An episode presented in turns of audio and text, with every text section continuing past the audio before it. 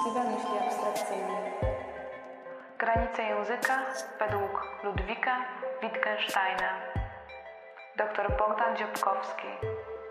Bardzo dziękuję. Dziękuję za zaproszenie, za możliwość powiedzenia parę, parę słów o milczeniu, co niedorzeczne. Ja rozumiem, że zainteresowanie głównie się bierze stąd, że będziemy mogli obejrzeć bardzo niezwykły film e, za jakiś za czas. A ja jestem tutaj tylko takim no, za, za, zapowiedzią trochę.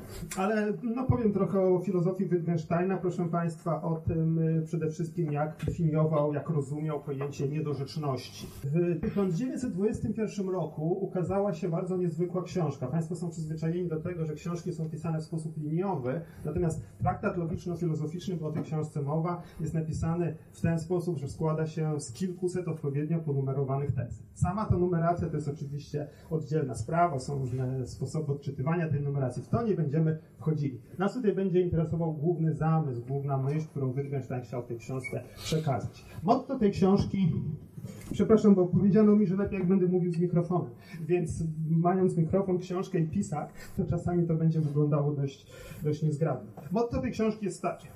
A wszystko, co się wie, nie tylko w szumie i zgiełku słyszało, da się powiedzieć w trzech słowach. Wydaje nam się, że język jest jak z gumy. Wydaje nam się, że w języku możemy właściwie mówić o wszystkim. Natomiast Wittgenstein, zarówno ten wczesny, którego poglądy znajdujemy w traktacie logiczno-filozoficznym, jak i późny, o którym, jeżeli starczy czasu, też powiem parę słów, Wittgenstein starał się nam pokazać, że niestety tak nie jest że jesteśmy ograniczeni przez niewidoczne granice naszego języka, że w gruncie rzeczy sensowny dyskurs jest dużo bardziej wąski niż nam się może wydawać. W dociekaniach filozoficznych tę myśl zobrazował za pomocą takiej bardzo ładnej metafory. Porównał nas do muchy, która jest zamknięta w szklanej muchołapce. Państwo wiedzą, jak wygląda szklana muchołapka. Być może część z Państwa jako dziecko bawiło się w ten sposób, że łapało muchę, brało słoik, zamykało tę muchę w słoiku, zakręcało i tak siedziało, obserwowało, jak mucha próbuje się ze słoika wydostać. Państwo tak spuścili głowy. No przepraszam za drastyczny przykład. W każdym razie patrzymy, jak mucha próbuje się ze słoika wydostać, uderzając głową w niewidoczne szklane ściany tego słoika. Prawda? Mu muszce zamkniętej w szklanej muchołapce się wydaje, że może sobie wylecieć i polecieć gdzieś tam po horyzont. Natomiast jest zamknięta w bardzo wąskiej przestrzeni. Ograniczają ją pewne niewidoczne granice.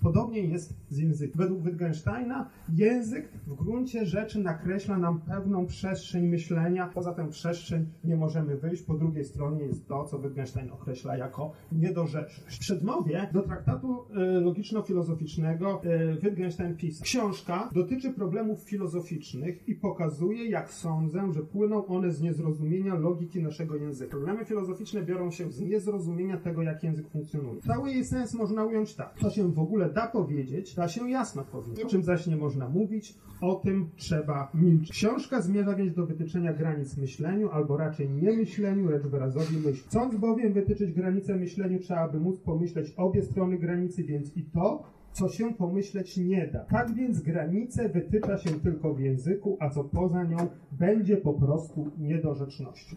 I Wittgenstein stawia sobie ambitne zadanie, by właśnie wytyczyć tę granicę, yy, granicę sensownego użycia języka i przez to niejako od wewnątrz, tak, pokazać, gdzie zaczyna się ta sfera niedorzeczności, gdzie zaczyna się sfera milczenia. Ja, proszę Państwa, w takim dużym skrócie pokażę, po pierwsze, w jaki sposób według Wittgensteina funkcjonuje język, jak Wittgenstein tę granicę funkcjonowania języka wytycza. Potem powiem o kilku typu, typach zdań, które pojawiają się na gruncie traktatu. To będą zdania sensowne, bezsensowne, zdania ogólne i owe niedorzeczności. Rozmawiamy sobie o takich paradygmatycznych problemach filozoficznych następnie. Pokażemy, dlaczego one są niedorzeczne. Powiemy trochę o sceptycyzmie i o sporze realisty z solicystą. Powiemy też o etyce. O tym, że jest pewien zasadniczy problem ze zdaniami, w których staramy się mówić o tym, co wyższe, o wartościach, o tym, co wykracza poza świat, poza świat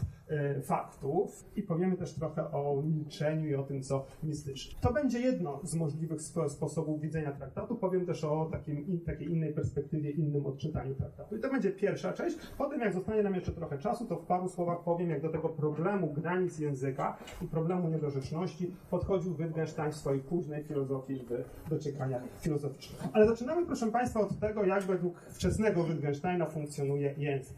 E, no, często przytacza się taką anegdotę, która mówi, że Wittgenstein na ten swój pomysł tak zwanej obrazkowej teorii znaczenia albo e, teorii, która pokazuje tak jak wygląda ta logiczna struktura języka, wpadł, gdy przeczytał relację z paryskiego sądu. W pewnej gazecie opisano, jak sędzia w paryskim sądzie, chcąc odtworzyć przebieg wypadku drogowego, e, postanowił zrobić na sali rozpraw makietę. Ta makieta składała się z kukiełek, które reprezentowały ludzi biorących udział w wypadku, resoraków. Państwo pamiętają takie resoraki, część z nas się bawiła. To były reprezentacje samochodów, no i tam jakoś krawężniki narysowane. Więc e, to wyglądało w ten sposób. Tak, ten sędzia narysował tak, tutaj jakieś skrzyżowanie. Ja nie wiem, jak ten wypadek tak naprawdę wyglądał, ale to, to nie o to chodzi. Chcę tak samo, żeby możliwie dużo osób wiedziało, co jest.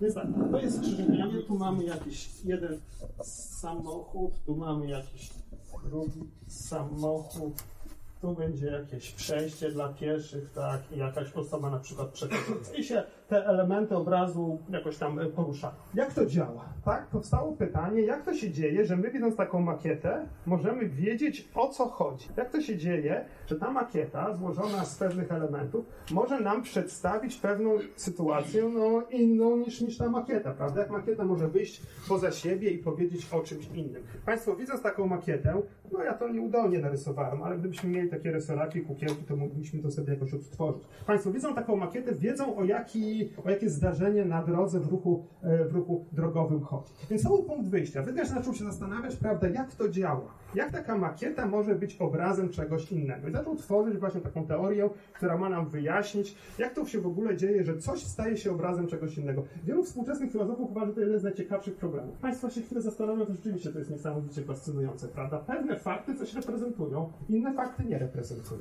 Na przykład mm, Pisak no, no to jest taki, takie coś, co jest we własnym imieniu. Ono nie ma przezroczystości semantycznej.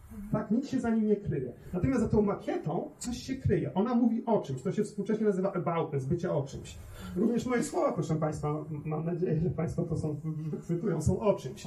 Tak? Państwo nie przyszli tutaj jak do włoskiej opery w sytuacji, gdy Państwo nie znają włoskiego. Prawda? Państwo wsłuchają, wsłuchują się w głos śpiewaka i wtedy te dźwięki, które są emitowane, nie mają żadnej przezroczystości semantycznej, nie są o czymś. Natomiast jak Państwo słuchają wypowiedzi w języku polskim, to, to często, prawda, Państwo wiedzą, co się kryje za tymi dźwiękami emitowanymi za słowami. Czyli tutaj mamy do czynienia właśnie z tą przezroczystością semantyczną, z tym byciem o czymś To jest niezwykle fascynujący problem właśnie. Pewne obiekty, pewne fakty z naszego otoczenia coś reprezentują, a inne nie reprezentują. I teraz pytanie jest, jak to się dzieje, że coś reprezentuje? Jak to się dzieje, że coś tą aboutness zyskuje, zyskuje przezroczystość semantyczną? Ta historia z makietą właśnie była punktem wyjścia do tego typu refleksji. I Wittgenstein, wychodząc od tego, zbudował pewną teorię, teorię obrazowania logicznego, która składa się z takich czterech elementów. Po pierwsze, Wittgenstein zauważył, że żeby coś było obrazem, musi mieć pewną złożoność, musi mieć elementy. Prawda? Jakbyśmy chcieli odtworzyć przebieg wypadku drogowego i mieli tylko jeden element, jeden resorat, to rozumieją Państwo, nic byśmy nie zrobili. Tak samo jakby Państwo poprosili mnie, żebym tutaj narysował na tablicy jakąś e, partię szachów, a ja bym powiedział, bardzo chętnie to zrobię. Proszę. Fascynujące. I Państwo pomyśleli, Dziękowski chyba żartuje. No, za pomocą punktu nie można odtworzyć partii szachu, bo partia szachów jest czymś złożonym, tak? Składa się z elementów. E, tych elementów jest dość dużo, więc jeden punkt nie może tego otworzyć. Chociaż, proszę Państwa, sprawa nie jest taka prosta, bo może, ten punkcik też składa się z takich malutkich punkcików i może struktura tych malutkich punkcików rzeczywiście odbija jakąś strukturę partii szachów. Tego nie wiem. No w każdym razie, proszę Państwa, pierwsza myśl, pierwszy element tej obrazkowej teorii znaczenia, którą Wittgenstein kreśli w traktacie, jest jest, wydaje się, bardzo intuicyjny. To znaczy, obraz jest czymś złożonym. Obraz ma elementy i te elementy obrazu reprezentują elementy obrazowanej sytuacji. To tutaj widać bardzo prosto. Tak? Każdy z resoraków reprezentuje jakiś samochód, który wziął udział w wypadku. Kukiełki reprezentują osoby biorące udział w wypadku. Te linie krawężniki, tamte linie na przykład przejście dla pieszych. Każdy element, e, Wittgenstein będzie mówił, że te elementy są jak czułki. Czułki, którymi obraz dotyka obrazowanej rzeczywistości. Między tymi elementami i pewnymi elementami obrazowanej sytuacji zachodzi pewna relacja, prawda, właśnie to jest ta relacja dotknięcia. Więc to jest pierwszy element obrazkowej teorii znaczenia. Mamy pewien zbiór elementów, każdy reprezentuje coś innego. Drugi element, albo druga teza mówi, że obraz jest faktem. Proszę zwrócić uwagę, obraz nigdy nie jest przypadkową mieszaniną. Żebyśmy z tych resoraków i kukiełek mogli odtworzyć jakąś sytuację, która miała miejsce na drodze, musimy te elementy obrazu jakoś względem siebie ustawić. Prawda? Musi, musi powstać struktura. Sama lista, sam wykaz elementów, nawet które coś reprezentują w świecie, jeszcze nie jest obrazem. Czyli gdybym to zrobił w taki sposób, żebym o, coś takiego narysował. Tak, tak. Potem tego człowieczka, potem przejście dla pieszych i potem skrzyżowanie. To Państwo by nie mieli pojęcia, jak wyglądał przebieg wypadku, bo nie powstała żadna struktura. Lista to nie jest struktura, prawda? My musimy te elementy jakoś względem siebie ułożyć, wtedy powstaje coś, powstaje pewien fakt, który może reprezentować jakiś inny fakt. To jest drugi ważny element tej obrazkowej teorii znaczenia. Trzecim elementem, proszę Państwa, jest to, że obraz zawiera możliwość obrazowanej sytuacji. Tu się zaczynają już schody. Te pierwsze dwa elementy były bardzo intuicyjne, trzeci już jest bardziej skomplikowany. Ale Wittgenstein sądził, proszę Państwa, że my widząc obraz i jeszcze nie wiedząc, czego ten obraz dotyczy, już wiemy, jaką możliwą sytuację ten obraz przedstawia. Prawda? Państwo widząc pewne ustawienie e, samochodów na, na takiej makiecie, wiedzą, że został przedstawiony pewien możliwy przebieg zdarzeń, chociaż jeszcze Państwo nie wiedzą, czy rzeczywiście tak było, czy nie. Tak? Czy ta możliwa struktura, która została utworzona z elementów obrazu, ona rzeczywiście odnosi się do czegoś, co zaszło, czy też tylko do jakiejś możliwości, która mogła zajść, ale nie została zrealizowana. Natomiast dla nas ważne jest, że w samym obrazie, w samej tej strukturze, która powstała, zawarta już jest pewna możliwość tak, tego, że to zaszło. Jak to się dzieje w przypadku obrazów fizycznych, takich jak makiety, to jest bardzo łatwe do wytłumaczenia. Proszę zwrócić uwagę, my nie możemy utworzyć z tych elementów, które tutaj Państwu narysowałem, czegoś niemożliwego, prawda? Nie możemy na przykład zbudować y, takiej struktury, że ten sam samochód będzie jednocześnie po tej stronie po tej stronie. To jest niemożliwe, prawda? Nie możemy wziąć rosolaka i postawić go jednocześnie w tym samym momencie czasowym tu i tu. Albo stoi tu, albo stoi tu, albo stoi tu. Ten ludzik też może być postawiony w tym miejscu, w tym, ale nie może być jednocześnie postawiony w tym i w tym. Tak samo nie możemy wziąć dwóch rosolaków i umieścić ich jednocześnie w, tej samym, w, tym, w tym samym miejscu. One mogą być tam ściśnięte, pogięte, ale nie zajmą tego samego kawałka czasoprzestrzeni. Więc sama natura elementów obrazu w tym wypadku, yy, ponieważ one są czymś fizycznym, prawda, powoduje, że nie możemy z nich utworzyć struktury, która by przedstawiała coś, co jest niemożliwe. Jak, jakąkolwiek strukturę utworzymy, ona będzie mówiła o jakiejś możliwości, mniej lub bardziej prawdopodobnej, ale o jakiejś możliwości będzie mówiła. Więc w obrazie zawarta jest możliwość tego, że to, co obraz przedstawia, mogło się wydarzyć. Tak? Obraz zawiera pewną, pewną taką potencję, pewną, e, ma taką pewną specyficzną właściwość. Czyli widząc obraz, my go rozumiemy, nie wiedząc, czy jest prawdziwy, czy jest fałszywy. To w traktacie jest ważna myśl. Tak? Do zrozumienia obrazu nie jest potrzebna wiedza na temat świata, na temat tego, co zaszło. Sama struktura, która została utworzona, ukazuje nam pewną logiczną możliwość i my, wiedząc tę strukturę, wiemy, że to jest możliwe. Podobnie z naszym myśleniem oczywiście. Wittgenstein mówi, nie, może, nie jest możliwe myśleć nielogicznie. Prawda? Nie mogą sobie Państwo pomyśleć, że coś jest jednocześnie kwadratem i trójkątem. Albo, że coś, to jest taki znany przykład, z którym potem Wittgenstein sam miał kłopoty, ale to, to inna historia. Nie mogą Państwo pomyśleć, że ten, ten sam przedmiot na całej swojej powierzchni w tym samym momencie jest jednocześnie na przykład zielony i czerwony. Prawda? Z naszym myśleniem jest coś takiego, że mamy takie ograniczenie. Nie możemy sobie pomyśleć, że coś jest... Możemy pomyśleć, że to miga. Może oprócz snu. Pani potrafi w śnie, że coś jest jednocześnie całe? No, myślę, że mam takie wrażenie, tak? To z, może być chyba miganie, albo że to jest paski, natomiast coś, Znaczy co by miało jednocześnie dwa kolory. W każdym razie w naszym myśleniu są podobne ograniczenia. To jest ważne, prawda? Możemy tworzyć pewne struktury za pomocą elementów naszej myśli, ale nie możemy zrobić wszystkiego.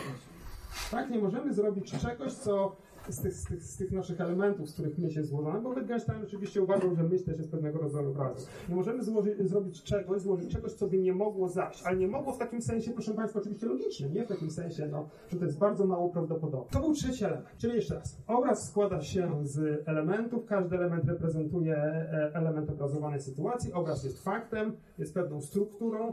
Po trzecie, obraz zawiera możliwość obrazowanej sytuacji, układ tych elementów pokazuje nam na coś, co mogło zajść. Nie wiemy, czy zaszło, czy nie, ale wskazuje na pewną możliwość. I czwarty element, bardzo ważny, ale tutaj nie będziemy tego może jakoś bardzo zgłębiali, mówi, że obraz nigdy nie może pokazać tego, jak to robi, że obraz. Tak, obraz po prostu jest obrazem, natomiast obraz nie pokazuje tego, jak to się dzieje, że on jest obrazem. Żeby pokazać, jak to, obraz, jak to się dzieje, że coś jest obrazem, musimy jakby stanąć na zewnątrz obrazu. Czyli sam obraz tego nie pokaże. Stanięcie na zewnątrz obrazu to jest jeszcze inny problem, bo jak chcemy tak jak my teraz robimy z tą makietą, prawda, i z rysunkiem, stanąć na zewnątrz i mówić, co się dzieje, to też tworzymy obrazy. I ten problem pojawia się tylko na, na wyższym poziomie. Więc to jest ważny, ważny element uwygaśniania, natomiast z naszego punktu widzenia, e, z punktu widzenia takiego tropienia, gdzie kończą się granice sensu, zaczyna się niedorzeczność, to może w tej chwili nie jest aż takie ważne. Więc proszę pamiętać, to jest taki bardzo ogólny, bardzo oczywiście uproszczony zarys tak zwanej obrazkowej teorii znaczenia, którą Wittgenstein rozwija w pewnych partiach traktatu logiczno-filozoficznego. I wychodząc od tego, od tej koncepcji, od tej teorii obrazkowej, następnie przechodzi do e, wskazywania na jakby różne typy zdań. Bo to, co tutaj przedstawiliśmy na mm, przykładzie makiety z sądów paryskiego, można oczywiście przenieść na język. Język działa dokładnie tak samo. W języku też mamy elementy, które on nazywa nazwami. Tak, tak jak tutaj mieliśmy resoraki i kukiełki, w języku są nazwy. Funkcja nazw polega na tym, że wskazują pewne elementy rzeczywistości.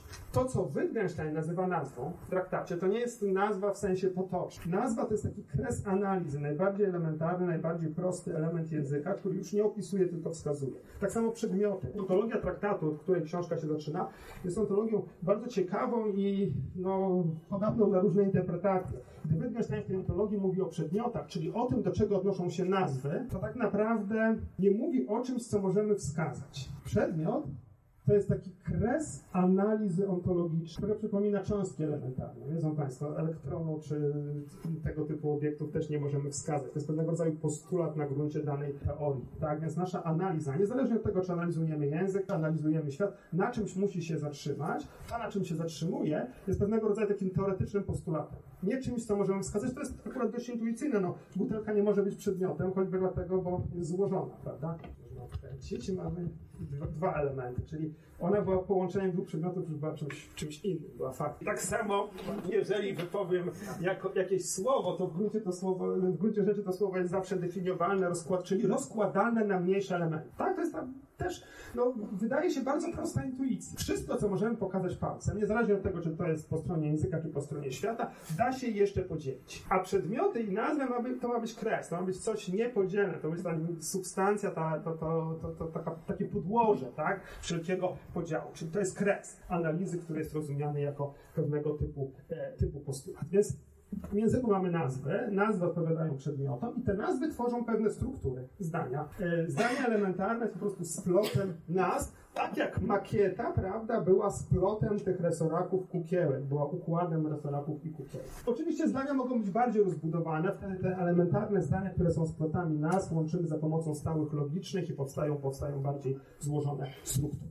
Ale ważne jest, że ta ogólna teoria obrazowania, o której Państwu mówiłem wcześniej, stosuje się również do języka, stosuje się również do myślenia. Myślenie jest takim specyficznym językiem na gruncie traktatu logiczno-filozoficznego. I właśnie w kolejnym kroku, wychodząc od tej, od tej teorii, teorii obrazowania, możemy podzielić zdania na kilka typów. Po pierwsze, mamy zdania sensowne. Zdania sensowne, proszę Państwa, to są po prostu zdania, które przedstawiają pewną sytuację.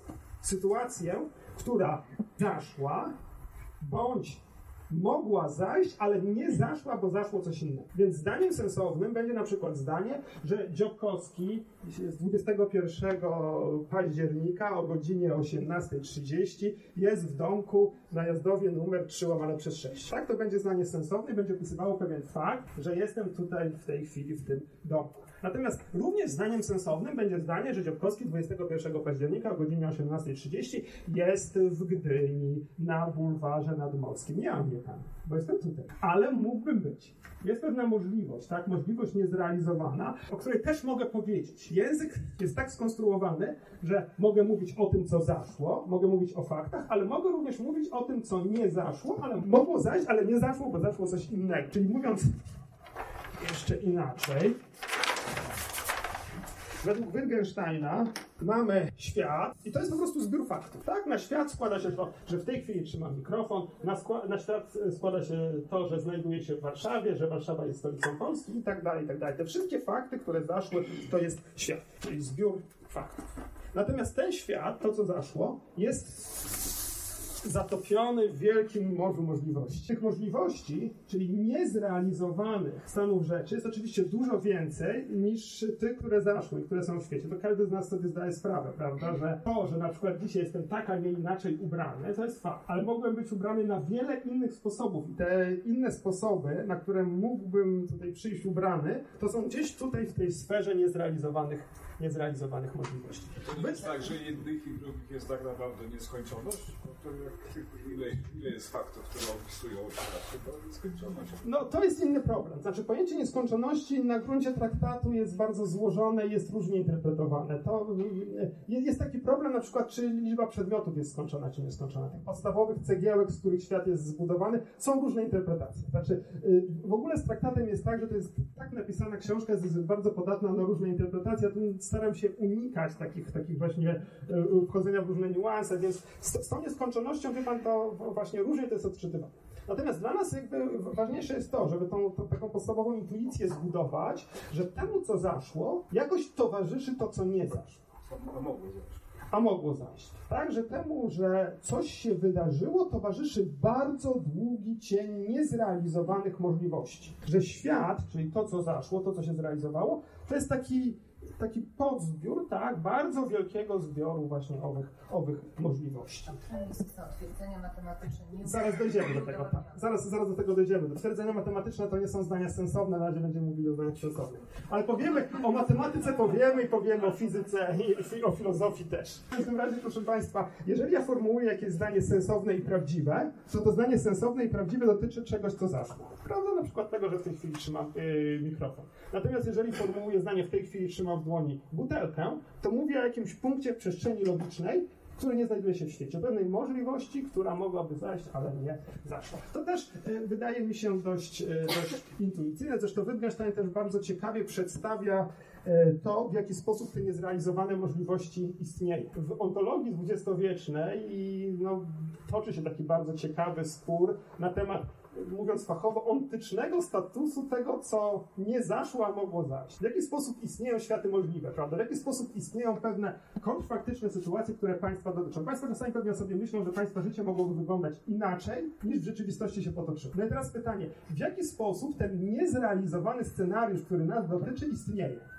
Gdzie go ulokować. I są różne stanowiska, oczywiście, jak we wszystkim w filozofii. Natomiast e, tutaj Wittgenstein ma bardzo ciekawą koncepcję, bo on uważa, że te światy możliwe, ta cała przestrzeń logiczna wypełniona niezrealizowanymi możliwościami, ona w gruncie rzeczy jest zawarta w świecie w postaci form przedmiotu. Tak? Każdy z nas, wszystko co zaszło, wszystko co się zrealizowało, to jest pewna struktura zbudowana z przedmiotów. Te przedmioty mają pewną formę, te formy wyznaczają kombinatoryczne możliwości, które z kolei wyznaczą te, te granice. To można tu łatwo przedstawić na przykładzie klocków. Mamy zestaw klocków, proszę Państwa, i z tych klocków możemy coś zbudować. Wykorzystujemy wszystkie klocki, budujemy wieś, ale mogliśmy zbudować statek. I nasze pytanie jest, w jaki sposób istnieje niezbudowany statek?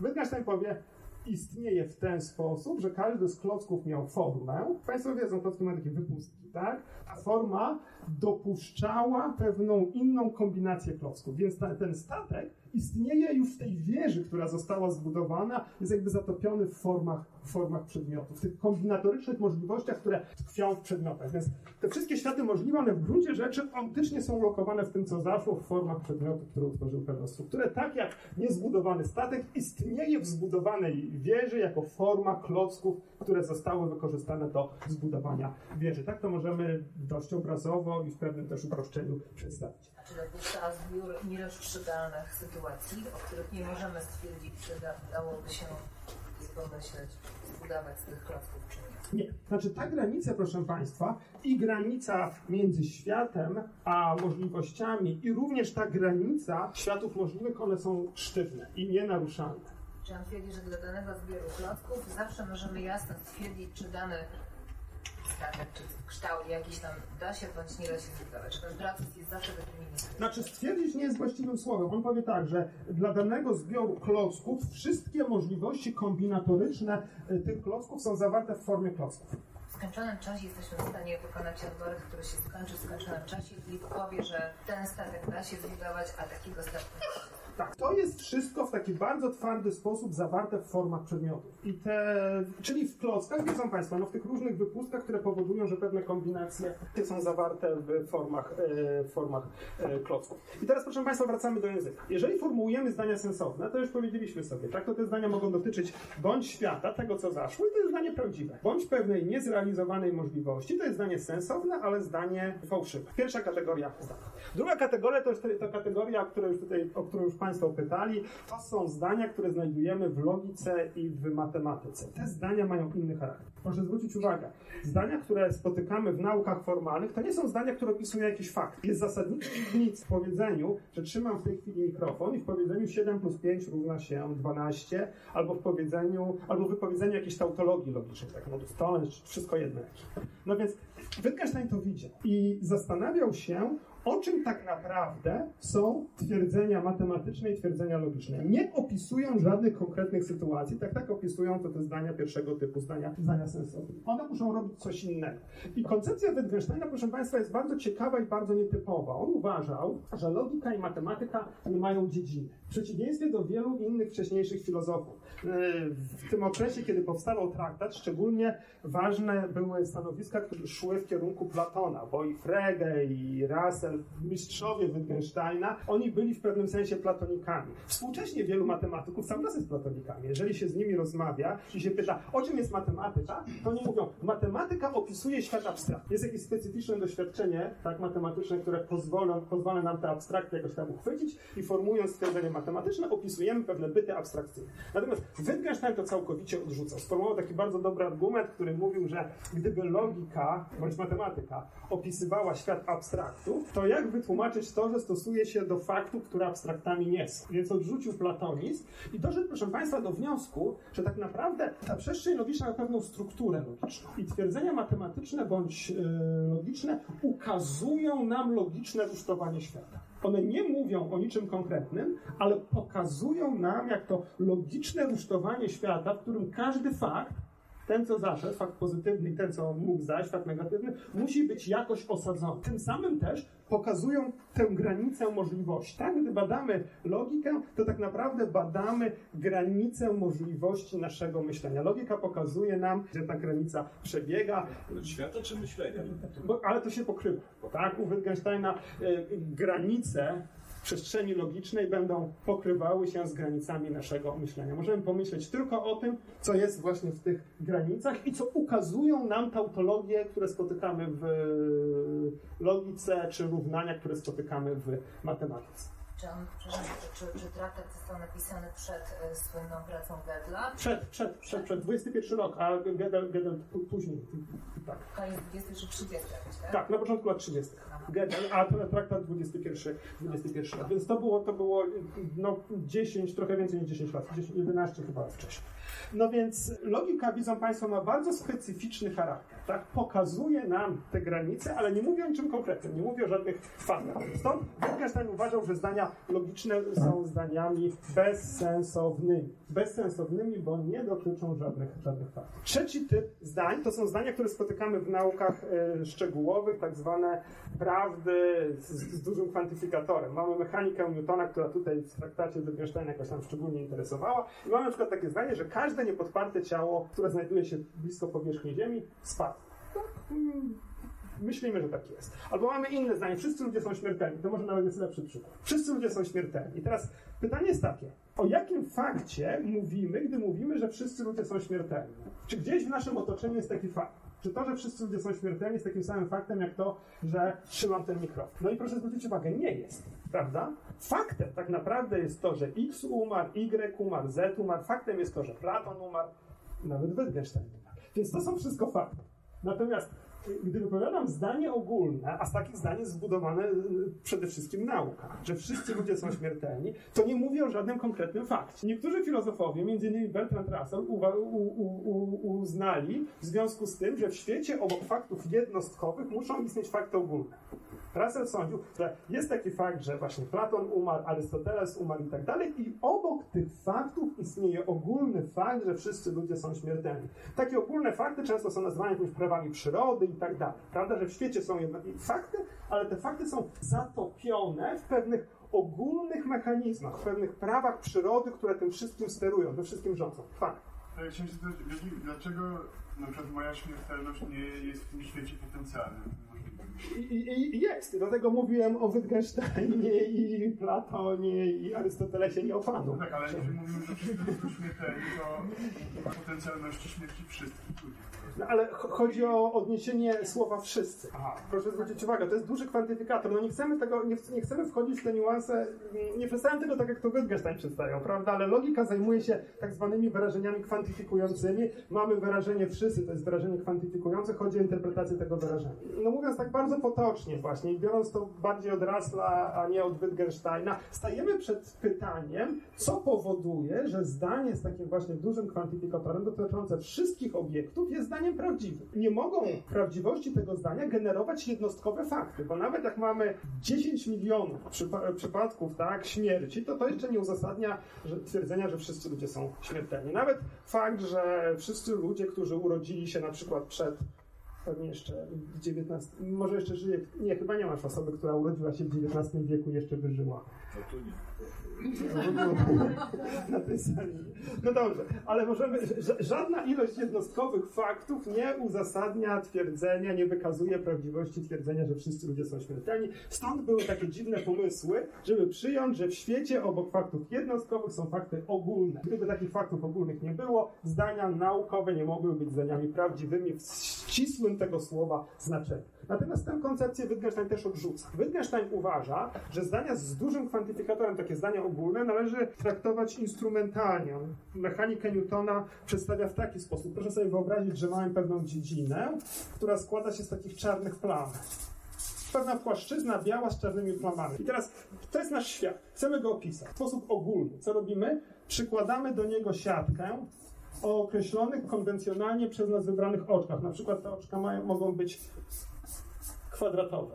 I następnie, oczywiście ona musi być du- dużo bardziej drobnoziarnista, żeby to dobrze opisać. O każdym z tych kwadratów orzekamy, czy jest biały, czy czarny. I w ten sposób świat złożony z jednostkowych faktów opisujemy za pomocą jednolitej formy. Ale siatce, którą przyłożyliśmy do świata, by ten świat opisać w jednorodny sposób, nie odpowiada żaden ogólny fakt. Po stronie świata siatki nie ma. Tak, gdy ja formułuję jakieś twierdzenia naukowe, mówiące o wszystkich przedmiotach, to nie znaczy, że w świecie jest jakiś mechanizm, który dotyczy wszystkich przedmiotów. Świat składa się po prostu z jednostkowych faktów, a cała nauka to są różne konwencjonalnie wybrane siatki, które te fakty jednostkowe mają nam jakoś ułożyć, uporządkować w pewną, w pewną całość. Więc to jest trzeci typ zdań. Zdania ogólne, zdania z dużym kwantyfikatorem, zdania, które spotykamy w nauce. I teraz dochodzimy do czwartego typu zdań, do tak zwanych niedorzeczności. Niedorzeczności to jest, proszę Państwa, głównie filozofia, ale również etyka, e, religia, no, semantyka, czy jakiekolwiek próby powiedzenia, jak język dotyka rzeczywistości. Zacznijmy od filozofii, proszę Państwa.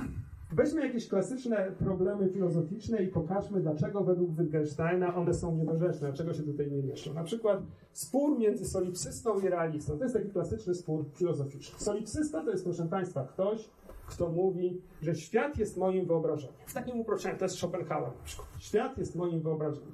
Czyli to, jest, to nie jest tak, że Państwo istnieją w takim twardym sensie na zewnątrz mojego umysłu. Wszystko, co widzę, prawda, jest jakoś we mnie, jest, jest moim wyobrażeniem. Realista z kolei mówi, jest przeciwnie, świat istnieje realnie, czyli nawet gdyby Ciebie nie było, to wszystko by tam toczyło się swoim torem, istniałoby tak, prawda. Ty postrzegasz, ale to, że ty to postrzegasz w pewnym momencie jest sprawą przygodną. Więc mamy klasyczny, proszę Państwa, nie wiem, czy Państwo kiedyś mieli wcześniej do czynienia z filozofią, część tak, bo są znajome twarze, ale część może nie. Więc dziwi się, że filozofowie takimi rzeczami się zajmują. Ale to jest jeden z takich bardzo klasycznych sporów filozoficznych, tak, między tymi, którzy uważają, że rzeczywistość jest wytwarzana przez podmiot i tymi, którzy uważają, że rzeczywistość przez podmiot nie jest wytwarzana, tylko jest przez ten podmiot rejestrowana. Niektórzy Ale jaki podmiot? Zaraz o tym Empiryczny czy transcendentalny? no tak, właśnie. To znaczy, to, to, to, to powiem o tym przy okazji, bo to Wittgenstein o tym mówi. No w każdym razie, proszę Państwa, dwie wizje świata, tak, formułowane przez różne strony filozoficznego sporu. I teraz, co robi Wittgenstein z tym sporem? Sporem solipsysty i realisty. Pokazuje, że w gruncie rzeczy te dwa stanowiska niczym się od siebie nie różnią. Że gdy solipsysta mówi, świat jest moim wyobrażeniem, a realista mówi, świat istnieje niezależnie ode mnie, to w gruncie rzeczy nie mówią no, nic, co by, co by istotnie się od siebie różniło w tej koncepcji języka zaproponowanej przez Wittgensteina.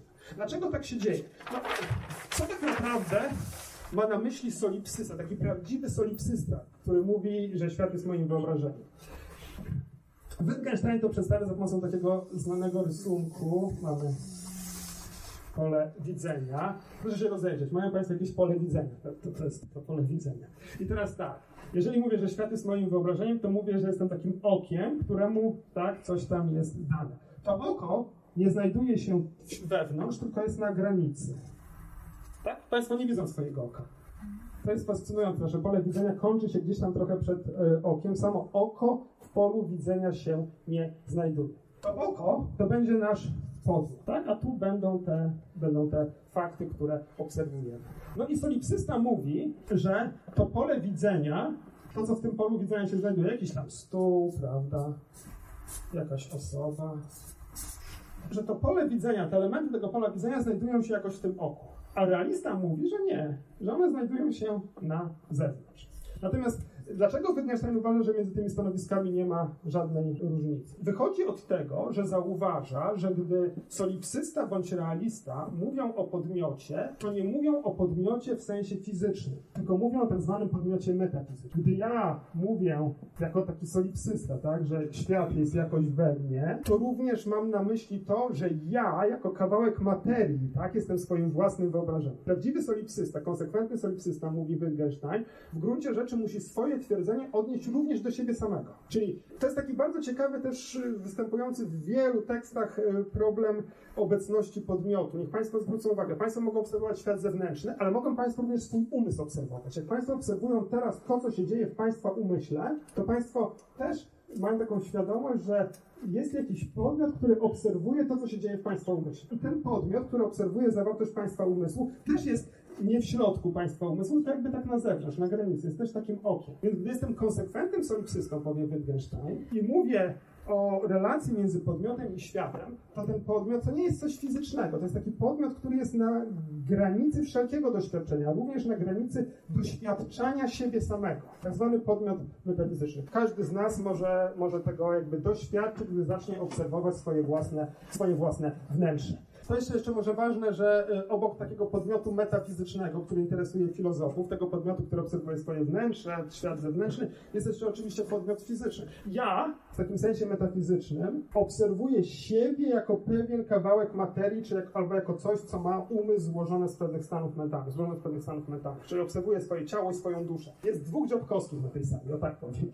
Dziobkowski fizyczny, którego Państwo też widzą, złożony z ciała, złożony ze stanów mentalnych, ale to wszystko jest dane pewnemu podmiotowi, który już fizyczny nie jest, który jest na granicy świata, a nie jest częścią tego obserwowanego świata. To jest podmiot metafizyczny i o tym podmiocie mówi solipsysta, taki Schopenhauer, i o tym podmiocie oczywiście mówi realista. Według Wittgensteina spór się pokrywa, dlatego, bo obie strony, proszę Państwa, chcą tak naprawdę powiedzieć nam coś o relacji między pewnymi faktami i czymś, co faktem nie jest. Podmiot metafizyczny nie jest częścią świata, tylko jest jego granicą. Podmiot metafizyczny nie znajduje się w tym polu widzenia, tylko jest gdzieś tutaj na brzegu. W związku z tym ta relacja, o której tutaj mówimy, no, solipsysta powie, to jest relacja wytwarzania, realista powie, to jest relacja odbijania, ona jest taką relacją, w której jeden człon ma inny charakter niż inny człon. Ten drugi człon, ten podmiot metafizyczny jakby nie mieści się w tym świecie, który tu Państwu wcześniej rysowałem i ten już przerzuciłem.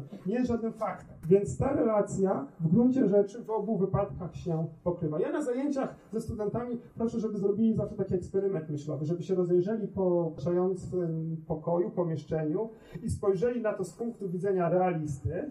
Mogą Państwo, już Państwo wiedzą, co to jest realizm solipsyzm, proszę też tak zrobić. Niech Państwo przez chwilę... Czy Państwo potrafią zmieniać e, stanowiska filozoficzne tak na zawołanie, tak przestawiać sobie?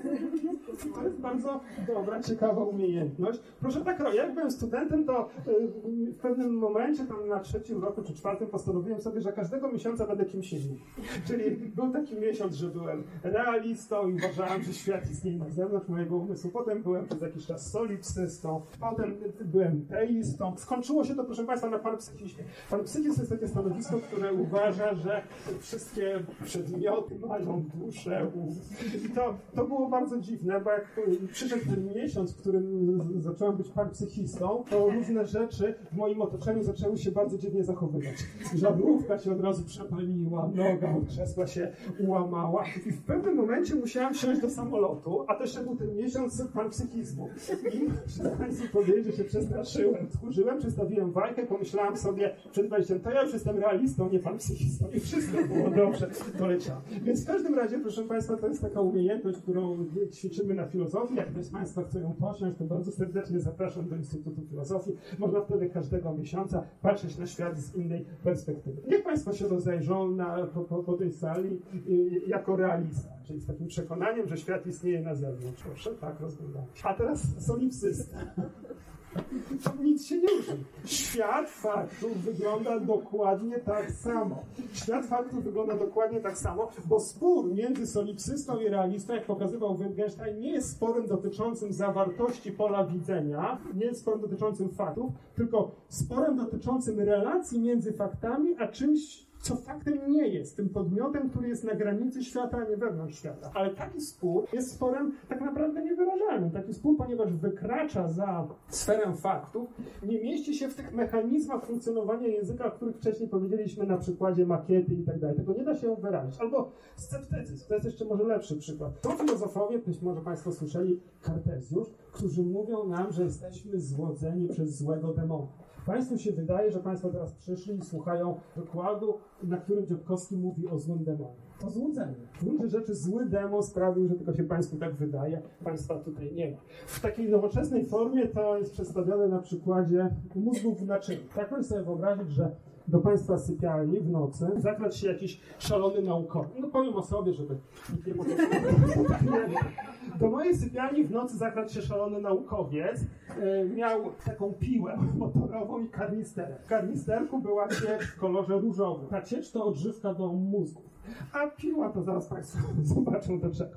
Więc zakradł się, wstrzyknął mi jakiś środek znieczulający, otworzył moją czaszkę, wiemy do czego piła, wyjął mózg, wrzucił do tego karnisterka z odżywką do, do, do mózgu, tak żeby przez całą powierzchnię mózgu tam były dostarczane różne substancje odżywcze. Wszystkie moje zakończenia nerwowe, które w moim ciele są połączone z palcami, nogami, oczami, podłączył do superkomputera. I wiedzą Państwo, co się dzieje dalej. Dalej ja słyszę, że dzwoni budzik, wstaję, jedną nogę podnoszę, drugą, schodzę z łóżka, idę do kuchni, żeby coś zjeść.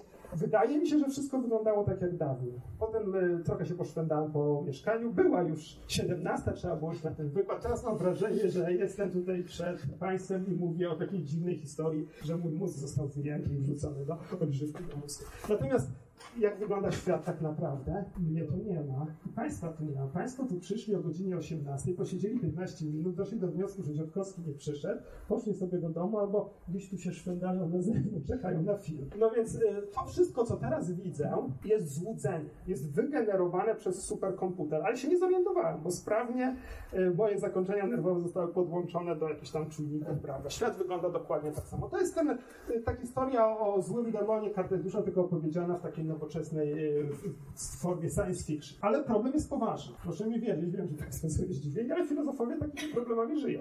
Więc problem jest poważny. Jak pokazać, że nie jestem mózgiem w naczyniu? Jak pokazać, że nie spotkała mnie taka zła przygoda i że rzeczywiście wygłaszam ten wykład, a nie tylko, że mi się wydaje, że wygłaszam ten wykład.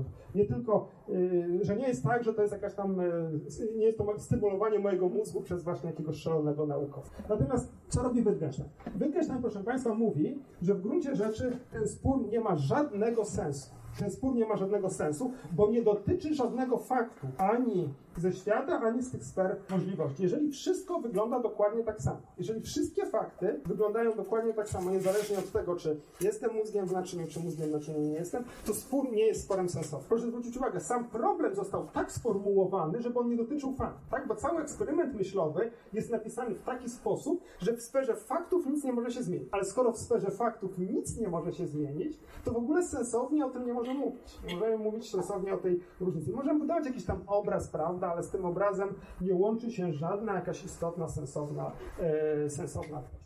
Więc w przypadku sceptycyzmu, podobnie jak w przypadku sporu realisty z solipsystą, mamy do czynienia z sytuacją, kiedy wydaje nam się, że prowadzimy jakoś sensowną dyskusję, ale w gruncie rzeczy, ponieważ zdania, które budujemy, nie dotyczą żadnych faktów, ani faktów, które zaszły, ani faktów, które mogły zajść, nasz spór nie ma żadnego sensu. Podobnie, proszę Państwa, jest w etyce. To jest może bardziej nawet poruszająca, poruszająca kwestia. Wittgenstein w takim wykładzie wygłoszonym w roku 1929 przed Towarzyszeniem Heretyki zauważył, że mamy dwa typy zdań, w których posługujemy się terminami odnoszącymi się do wartości Po pierwsze, termin na przykład dobry, prawda, może być używany w sposób trywialny, w taki sposób nieetyczny. To będzie pierwszy typ zdania. Czyli możemy na przykład powiedzieć, że ktoś jest dobrym pianistą. Kiedy ktoś jest dobrym pianistą? Kiedy na przykład zagra jakiś utwór o określonym stopniu trudności z określoną wprawą. Jak ktoś dobrze gra wariacje goldbergowskie, to jest dobry pianista.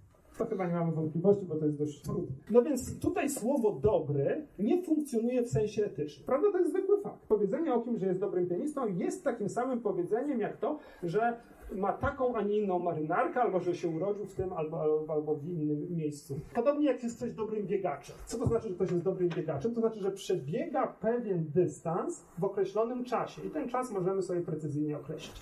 Więc w tym sensie słowo dobry jest opisem faktów. Takich samych faktów, jak wszystkie inne fakty. Jak ten fakt, o którym już dzisiaj mówiłem, że w dłoni trzymam mikrofon w tej chwili. Natomiast są konteksty, w których używając słowa dobry, staramy się powiedzieć coś więcej. Staramy się powiedzieć coś, co do faktów nie da się zredukować. Staramy się za pomocą tego słowa wyjść poza tą faktualność, tak? Wtedy ten język zaczyna być właśnie takim językiem naprawdę etycznym. Wtedy używamy słowa dobry w sensie, jak mówił Wittgenstein, absolutnym, a nie w sensie trywialnym. Ten pierwszy sens to jest sens trywialny, ten drugi to jest sens absolutny.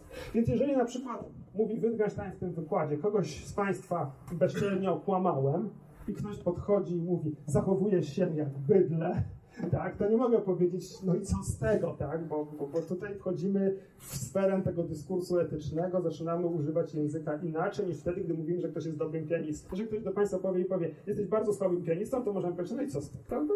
I nic. Natomiast jeżeli ktoś powie, że zachowałeś się jak bydle w sensie etycznym, to widzimy, że nasz język trochę funkcjonuje na innym poziomie. To są inne obroty naszego języka. Teraz problem polega na tym, proszę Państwa, że gdy zaczynamy, według Wittgensteina, używać takiego słowa jak dobry w sensie nietrywialnym, tylko w sensie absolutnym, to też wychodzimy poza sferę faktów to też zaczynamy mówić rzeczy, które w gruncie rzeczy nie mieszczą się w tej narysowanej wcześniej przestrzeni yy, logicznej, też zaczynamy przekraczać granicę sensu. Wittgenstein posługuje się taką metaforą. Wyobraźmy sobie, że mamy istotę wszechwiedzącą. Taka, taka istota wszechwiedząca skonstruowała coś, co się nazywa księgą świata. Księga świata to jest inwentaryzacja wszystkich faktów. I teraz, co będzie w tej księdze świata?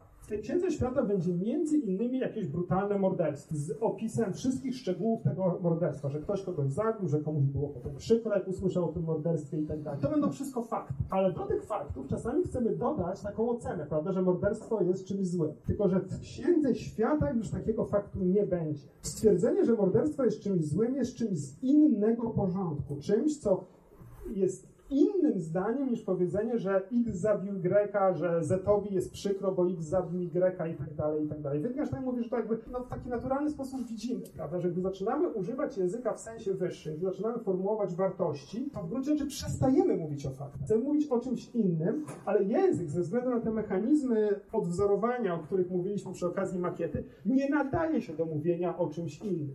Język jest tak skonstruowany, że możemy za jego pomocą tworzyć obrazy faktów, ale nie możemy tworzyć obrazów czegoś, czego co faktem nie jest. Nie możemy tworzyć obrazów wartości, jeżeli te wartości mają mieć charakter absolutny, jeżeli nie są redukowalne do żadnych faktów. A o takich wartościach mówimy, gdy formułujemy zdania spotykane w etyce, jeżeli tą etykę rozumiemy poważnie. No oczywiście, jeżeli ktoś etykę, proszę Państwa, rozumie niepoważnie, próbuje tłumaczyć ją przez jakieś tam mechanizmy ewolucyjne i tak dalej, no to, no to są fakty. To wtedy, to wtedy tak naprawdę jesteśmy na poziomie trywialnego użycia słowa dobra, a nie tego użycia absolutnego, o które chodzi Wittgenstein. No, jak to jest porządek w takim razie? Jak on go jakoś nazywa? Ten, ten porządek, inny porządek? On używa tych dwóch terminów, to znaczy, że słowo dobry może funkcjonować w sensie trywialnym i w sensie absolutnym. Jeżeli mówimy o sensie absolutnym, nie mówimy o faktach jeżeli mówimy, w, yy, używamy tego słowa w sensie trywialnym, opisujemy jakiś fakt. Ale to jest zbudowane na bardzo prostej intuicji, tak? Właśnie na tej intuicji, że każdy z nas wyczuje różnicę w powiedzeniu, że ktoś jest dobrym pianistą i ktoś jest dobrym człowiekiem. W powiedzeniu, że morderstwo jest złe, prawda? I w powiedzeniu, że na przykład jedzenie zbyt dużej ilości słodyczy jest. Widzimy, że słowo zły w tych dwóch kontekstach funkcjonuje jakoś zasadniczo, zasadniczo odmiennie. I że gdy zaczynamy uprawiać etykę, to nie chcemy opisywać faktów, mówi Wittgenstein, chcemy jakby poza, poza te fakty wyjść. Ale wyjście poza fakty ze względu na mechanizmy rządzące naszym językiem musi skończyć się niepowodzeniem. Zresztą Wittgenstein... Przepraszam, bo z tym dobrym pianistą to ja tak nie rozumiem tego, to to nie jest fakt, no bo może ktoś tutaj zagrać na pianinie, my powiemy, że jest dobry. Ta sama osoba pójdzie, wystartuje w konkursie szopenowskim i szanowne jury, że powie, że to jakieś nieporozumienie jest, a nie dobry pianista. Że jest to no chyba... i wtedy uwierzymy szanownemu jury, tak? Znaczy możemy... Z... No chyba, że jest tam Marta Archewicz, która powie, że akurat to bo on jest genialny po prostu, a jury jest. Nie, ale wie pan, to, że mogą być spory na temat faktów, to nie ulega żadnej wątpliwości. Natomiast chodzi tylko o to, że jednak powiedzenie o kim, że jest dobrym pianistą, nie jest sądem etycznym. Jest sądem dotyczącym faktów, chociaż w tym wypadku te kryteria mogą być różne w różnych kontekstach. Pan może mieć inne kryterium bycia dobrym pianistą, ktoś inny mieć, może mieć inne kryterium, ale i w, i w jednym i w drugim wypadku dotyczy to pewnego faktu. Tego, czy ktoś dany utwór gra z określonym e, stopniem wprawy, czy nie. To jest tylko przykład. Lepszy jest z biegaczem, prawda? Możemy przyjąć, że jeżeli ktoś przebiega 100 metrów poniżej 10 sekund, to jest bardzo dobrym biegaczem. I to się wydaje, że to jest przykład fakt. to jest na przykład z kluczami, że się nie wiem, wynajmuje apartament, dostaje kluczy, Y, muszę sobie otworzyć drzwi, no jeden jest dobry, a wszystkie pozostałe są złe. I wtedy. No tak, a znaczy przykładów może być dużo, ale słowo dobry w większości kontekstów funkcjonuje w taki zwyczajny sposób, właśnie w ten trywialny sposób opisujący pewien fakt. Dobry klucz, klucz, który otworzy określone drzwi. Dobra droga, prawda? Jeżeli Państwo zastanawiają się, jak dotrzeć do domku 3 łamane przez 6 na godzinę 18 i mają kilka do wyboru możliwości, no to Państwo powiedzą, dobra droga to jest ta, która najszybciej nie doprowadzi do celu. To są wszystko te trywialne użycia, ale czasami zdarza się w naszym życiu, że słowo dobre funkcjonuje inaczej że słowo dobre funkcjonuje nie jako opis faktów, tylko jako właśnie coś, co w tej księdze świata się jakoś nie mieści. I wtedy problem polega na tym, że zaczynamy mówić w jakiś dziwny sposób. Także nasze słowa już nie odnoszą się do żadnych sytuacji, a nie odnoszą się do żadnych sytuacji, to nie mają żadnego uchwytnego sensu. Za nimi nic się nie kryje, w takim sensie, jak się może kryć coś za określeniem dobra droga. Tak wszyscy wiedzą, co to znaczy, że jakaś droga, droga jest dobra, jeżeli powiem, jak jest mój cel. Natomiast mówiąc, że ktoś jest złym człowiekiem bądź dobrym człowiekiem, zaczynamy Język funkcjonuje wtedy na innych obrotach. Jeżeli Państwo stają przed dylematem, po co żyć? Albo czy jakiś sposób życia jest lepszy od innego sposobu życia, to czujemy, że prawda, dyskurs dotyczy czegoś innego niż spór o to, czy biegacz A jest dobrym biegaczem, czy, czy jest złym biegaczem. Więc gdy poruszamy się w tych kontekstach etycznych, język zaczyna funkcjonować na takich innych zupełnie, zupełnie obrotach. Problem w tym, że wtedy zaczynamy popadać w tą sferę niedorzeczności, bo przestajemy mówić o faktach. Jeszcze może lepszym przykładem jest e, przykład z wykładu etyce dotyczący takiego według Wittgensteina bardzo podstawowego odczucia, które każdy z nas czasami może mieć i które według niego ma absolutną wartość. Dziwię się istnieniu świata. Czy Państwo tak czasami mają? Ale chodzi o takie metafizyczne zdziwienie. Osoby religijne, mówi Wittgenstein, tę samą myśl wyrażają, mówiąc Bóg stworzył świat. Czyli chodzi o to, że e, w każdym razie Wittgenstein tak czasami miał. Mówi, czasami dopada mnie taka myśl, że zaczynam dziwić się istnieniu świata, ale nie w tym sensie, że dziwię się, że jestem w tym miejscu, a nie w innym, tylko że w ogóle świat istnieje.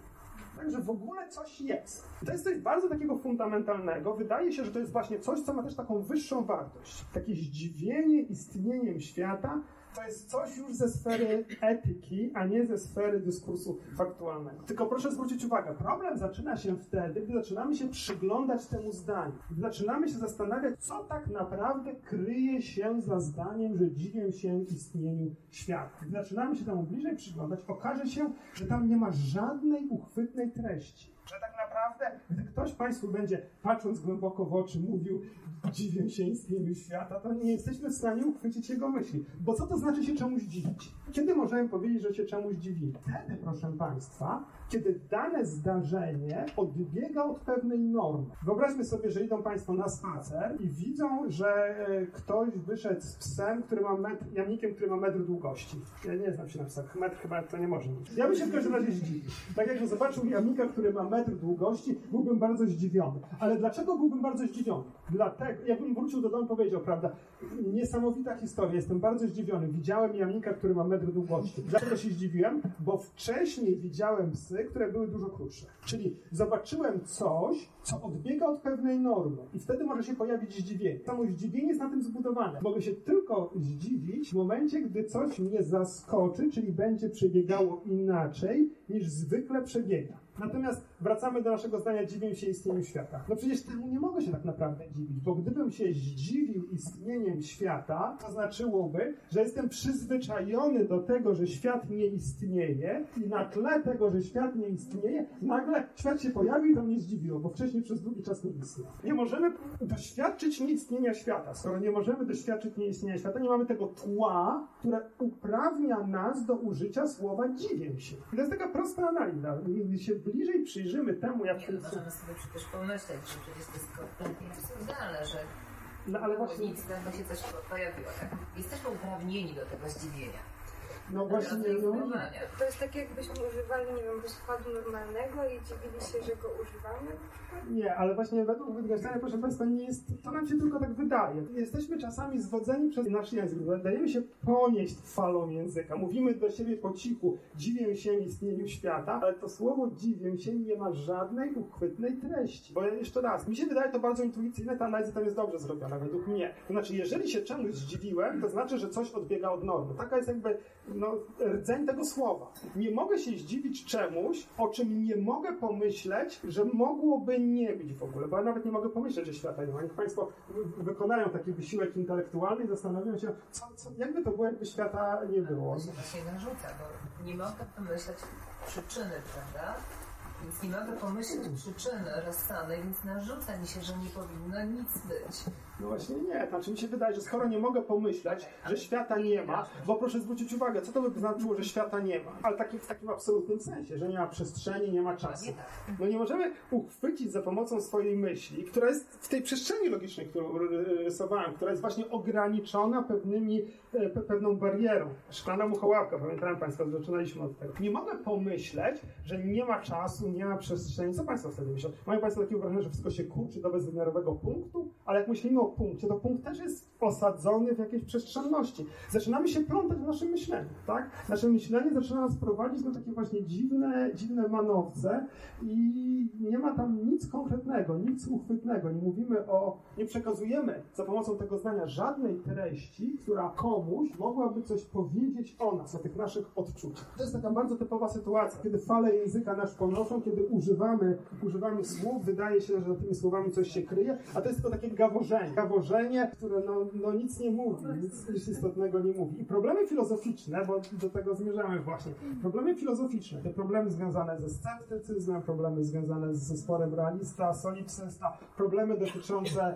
y, wartości czy zdziwienia istnienia świata, to jest takie gaworzenie. Takie gaworzenie, proszę Państwa, które być może jest miłe. Można sobie czas wieczorem zająć.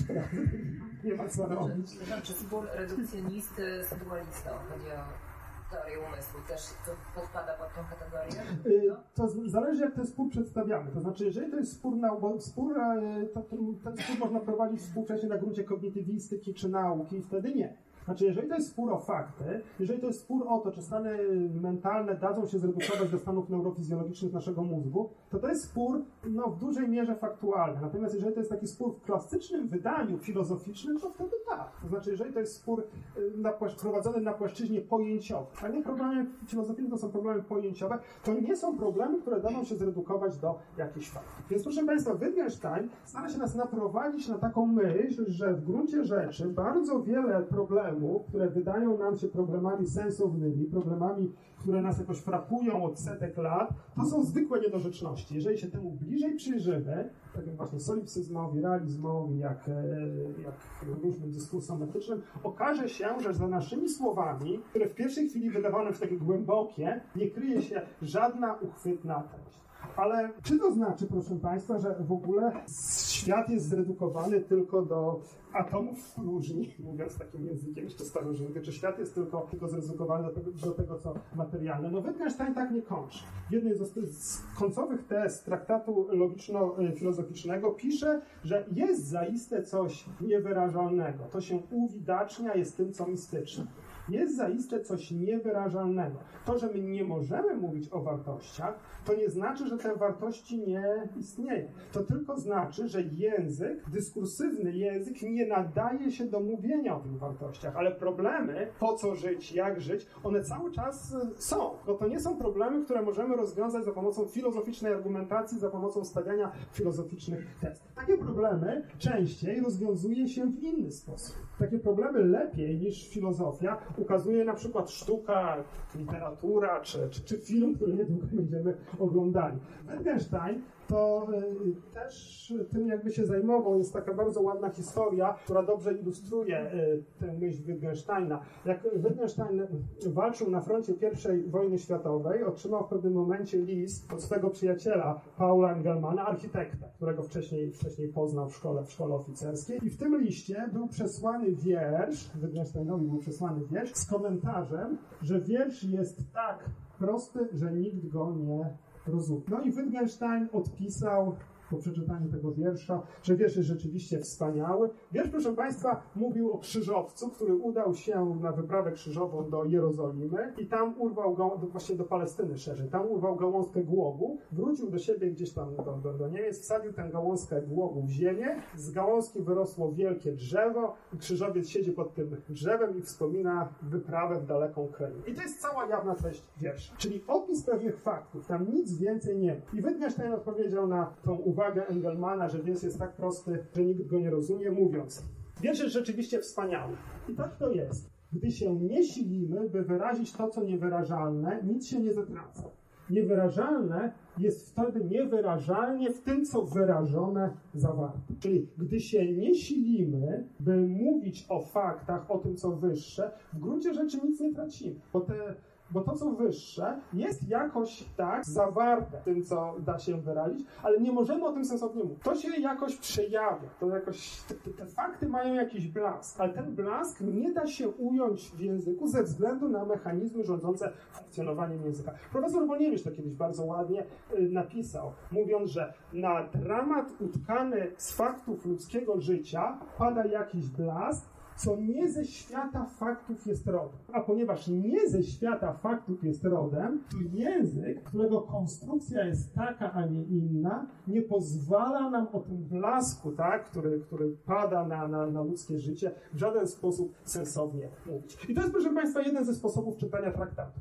Jeden ze sposobów, który mówi, że Wittgenstein przedstawił nam pewną wizję języka i następnie z tej wizji języka wyprowadził pewne konsekwencje. Te konsekwencje mówią nam, że pewne sfery, o których wydawało nam się, że możemy sensownie mówić, w gruncie rzeczy nie mieszczą się w granicach sensownego dyskursu. Gdy się bliżej temu przyjrzymy, wypadają na tą drugą stronę, tą stronę, która jest niedostępna nam język. Ale to nie jest jedyny sposób odczytywania traktatu. Takie nowsze sposoby, proszę Państwa, każą spojrzeć na tę książkę z innej perspektywy. Każą nam spojrzeć na cały traktat, jak już powiedziałem wcześniej, złożony z kilkuset y, tez, jako na pewnego rodzaju przedsięwzięcie o charakterze terapeutycznym. To pierwsza, ta pierwsza interpretacja to była interpretacja teoretyczna. Tak? Mamy pewną teorię, teoria nam coś pokazuje na temat tego, jak funkcjonuje język. Teoria ostatecznie prowadzi też do tego, że sama teoria zostaje podważona. Ale cały czas to są manewry o charakterze takim bardzo, bardzo tradycyjnym, tak, teoretycznym. Natomiast takie nowsze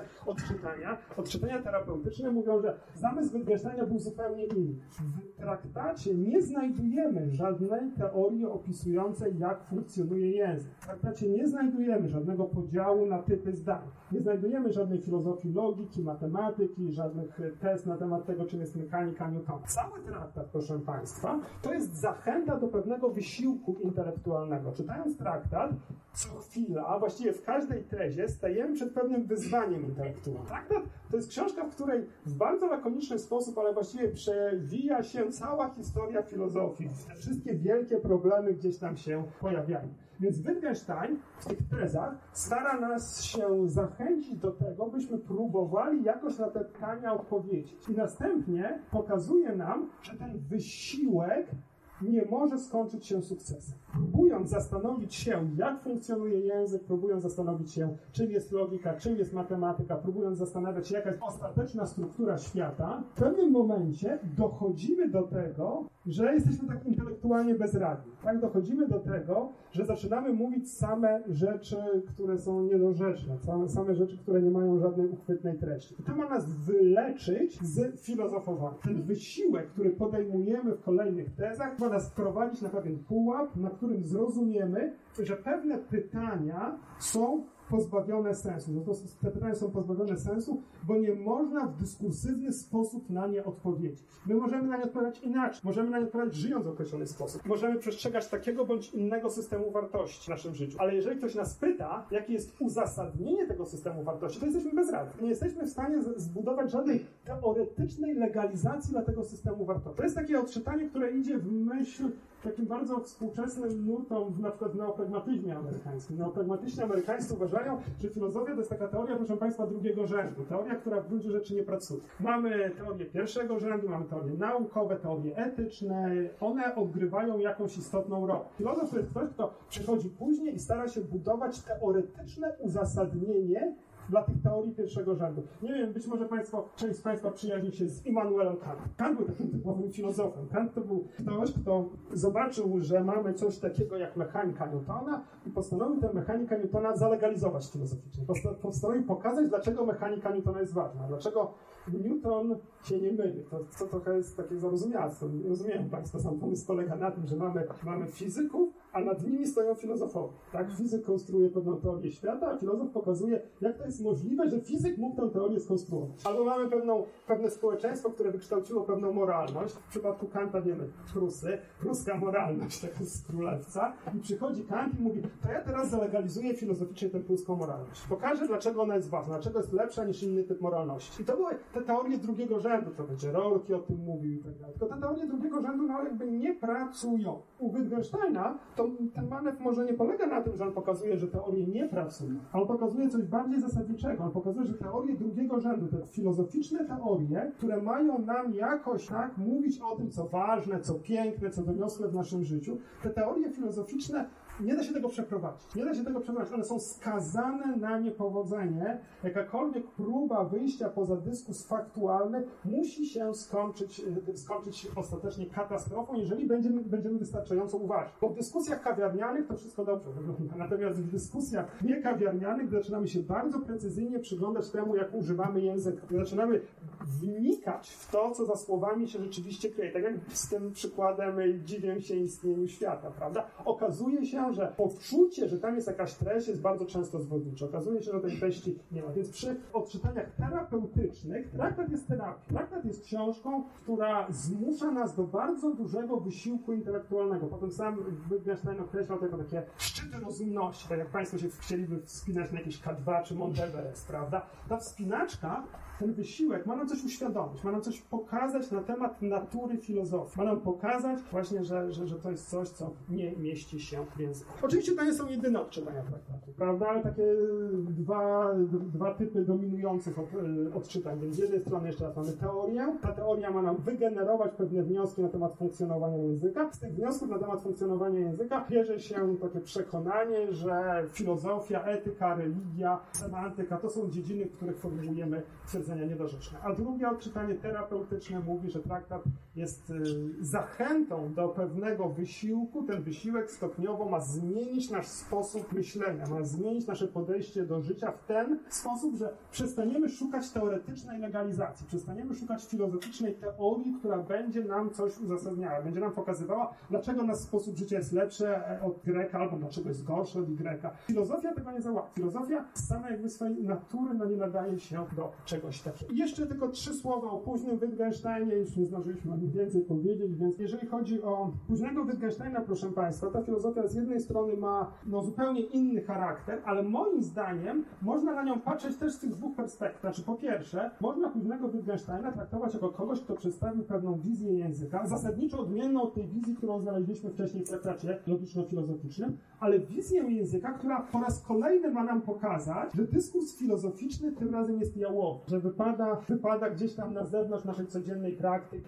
Słucham? Który rok to jest? No dociekania filozoficzne zostało opublikowane po śmierci Wittgensteina w 1953 roku, ale były pisane od y, 36, no tak fragmentami, nie były, to, nie, to nie jest książka, która została w jednym ciągu napisana. W każdym razie Wittgenstein stara się, buduje nową wizję języka, ta wizja jest oparta na takich pojęciach jak podobieństwo, rodzinne gra językowa, sposób życia i tak dalej. Znaczenie już jest utożsamiane z użyciem, a nie jak tutaj y, z taką obrazkową koncepcją, ale ta nowa wizja języka w gruncie rzeczy prowadzi nas do podobnego wniosku. Do wniosku, jak pisał Wittgenstein, że filozofowie są jak ludzie dzicy.